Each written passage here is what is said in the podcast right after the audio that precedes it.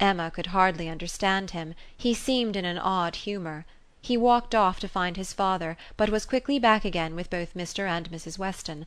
He had met with them in a little perplexity which must be laid before Emma. It had just occurred to Mrs. Weston that Mrs. Elton must be asked to begin the ball, that she would expect it, which interfered with all their wishes of giving Emma that distinction. Emma heard the sad truth with fortitude.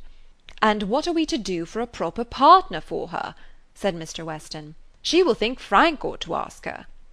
Frank turned instantly to Emma, to claim her former promise, and boasted himself an engaged man, which his father looked his most perfect approbation of; and it then appeared that Mrs. Weston was wanting him to dance with Mrs. Elton himself, and that their business was to help to persuade him into it, which was done pretty soon.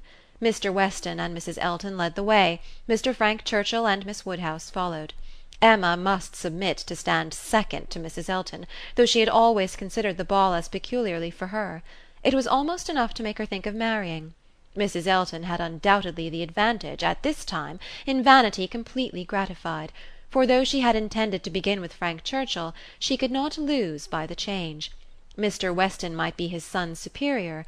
In spite of this little rub, however, Emma was smiling with enjoyment, delighted to see the respectable length of the set as it was forming, and to feel that she had so many hours of unusual festivity before her. She was more disturbed by Mr. Knightley's not dancing than anything else. There he was, among the standers by, where he ought not to be; he ought to be dancing, not classing himself with the husbands and fathers and whist players who were pretending to feel an interest in the dance till their rubbers were made up so young as he looked. He could not have appeared to greater advantage, perhaps, anywhere, than where he had placed himself. His tall, firm, upright figure, among the bulky forms and stooping shoulders of the elderly men, was such as Emma felt must draw everybody's eyes; and excepting her own partner there was not one among the whole row of young men who could be compared with him. He moved a few steps nearer, and those few steps were enough to prove in how gentlemanlike a manner, with what natural grace, he must have danced, would he but take the trouble. Whenever she caught his eye she forced him to smile, but in general he was looking grave. She wished he could love a ballroom better, and could like Frank Churchill better. He seemed often observing her. She must not flatter herself that he thought of her dancing, but if he were criticizing her behaviour she did not feel afraid. There was nothing like flirtation between her and her partner; they seemed more like cheerful easy friends than lovers. That Frank Churchill thought less of her than he had done was indubitable. The ball proceeded pleasantly. The anxious cares, the incessant attentions of Mrs. Weston were not thrown away; everybody seemed happy, and the praise of being a delightful ball, which is seldom bestowed till after a ball has ceased to be, was repeatedly given in the very beginning of the existence of this.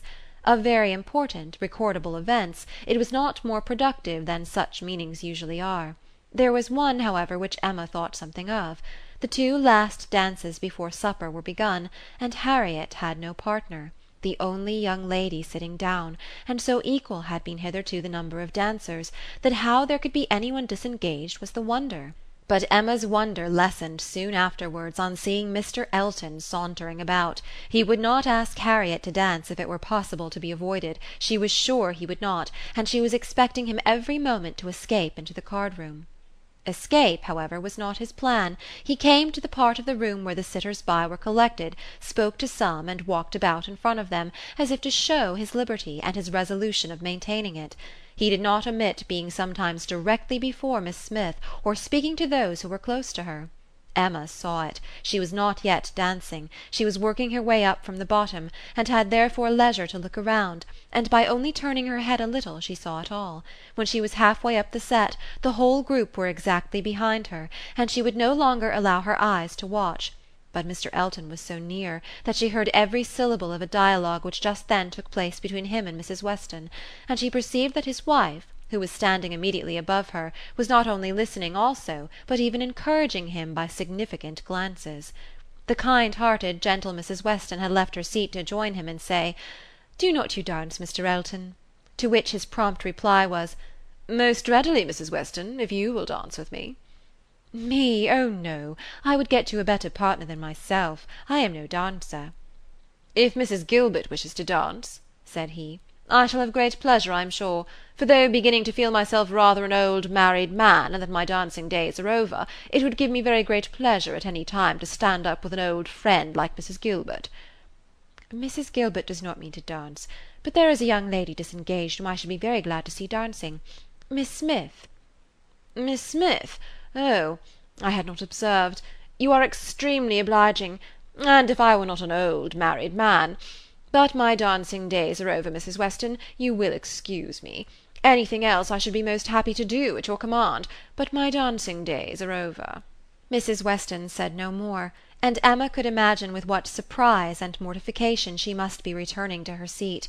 This was Mr. Elton, the amiable, obliging, gentle Mr. Elton. She looked round for a moment; he had joined Mr. Knightley at a little distance, and was arranging himself for settled conversation, while smiles of high glee passed between him and his wife. She would not look again; her heart was in a glow, and she feared her face might be as hot.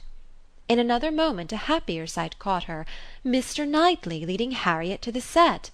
Never had she been more surprised, seldom more delighted, than at that instant. She was all pleasure and gratitude, both for Harriet and herself, and longed to be thanking him, and though too distant for speech, her countenance said much as soon as she could catch his eye again. His dancing proved to be just what she had believed it, extremely good, and Harriet would have seemed almost too lucky if it had not been for the cruel state of things before, and for the very complete enjoyment and very high sense of the distinction which her happy features announced. It was not thrown away on her.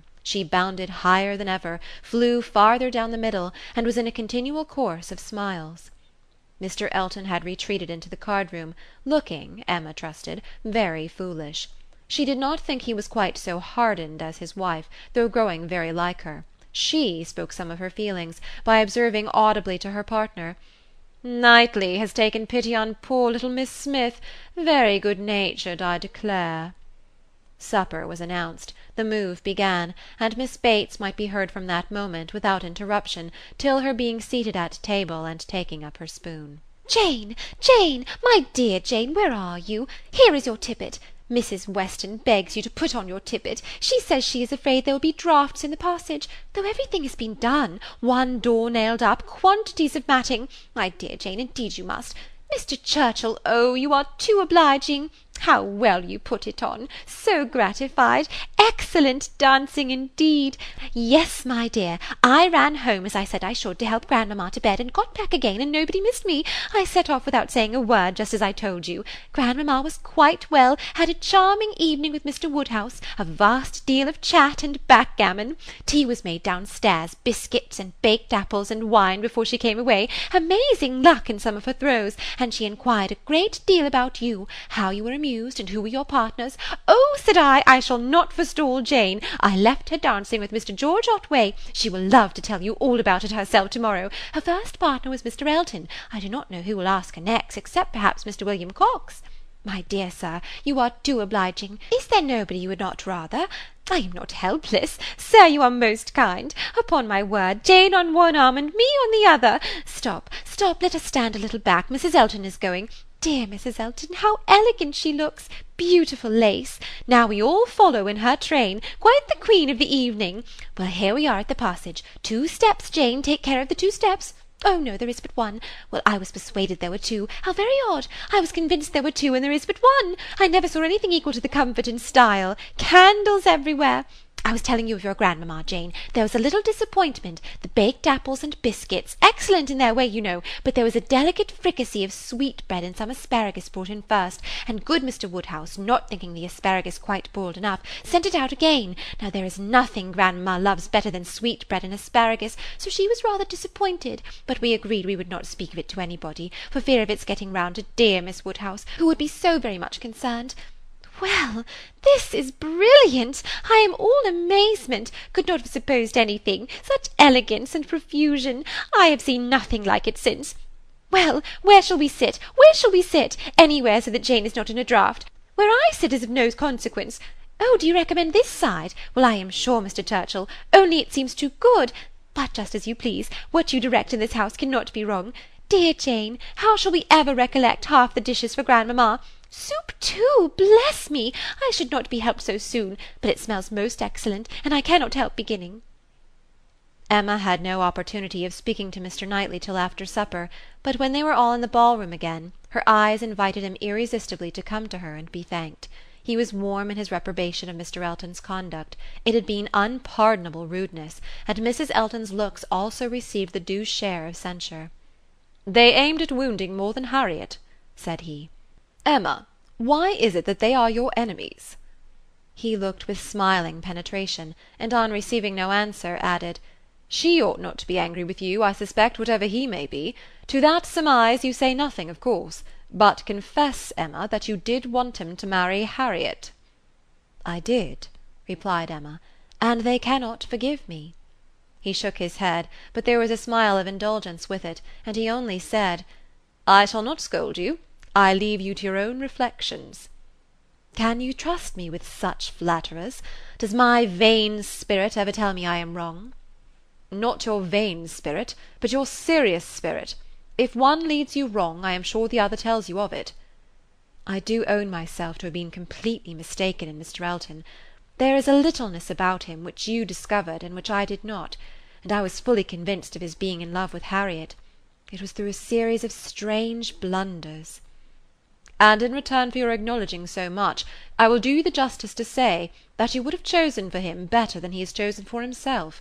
Harriet Smith has some first-rate qualities, which Mrs. Elton is totally without; an unpretending, single-minded, artless girl, infinitely to be preferred by any man of sense and taste to a woman such as Mrs. Elton. I found Harriet more conversable than I expected." Emma was extremely gratified. They were interrupted by the bustle of Mr. Weston calling on everybody to begin dancing again. Come, Miss Woodhouse, Miss Otway, Miss Fairfax, what are you all doing? Come, Emma, set your companions the example. Everybody is lazy, everybody's asleep." "I am ready," said Emma, "whenever I am wanted." "Whom are you going to dance with?" asked Mr. Knightley. She hesitated a moment and then replied, "With you, if you will ask me." "Will you?" said he, offering his hand. "Indeed I will. You have shown that you can dance and you know we are not really so much brother and sister as to make it at all improper." "Brother and sister? No, indeed."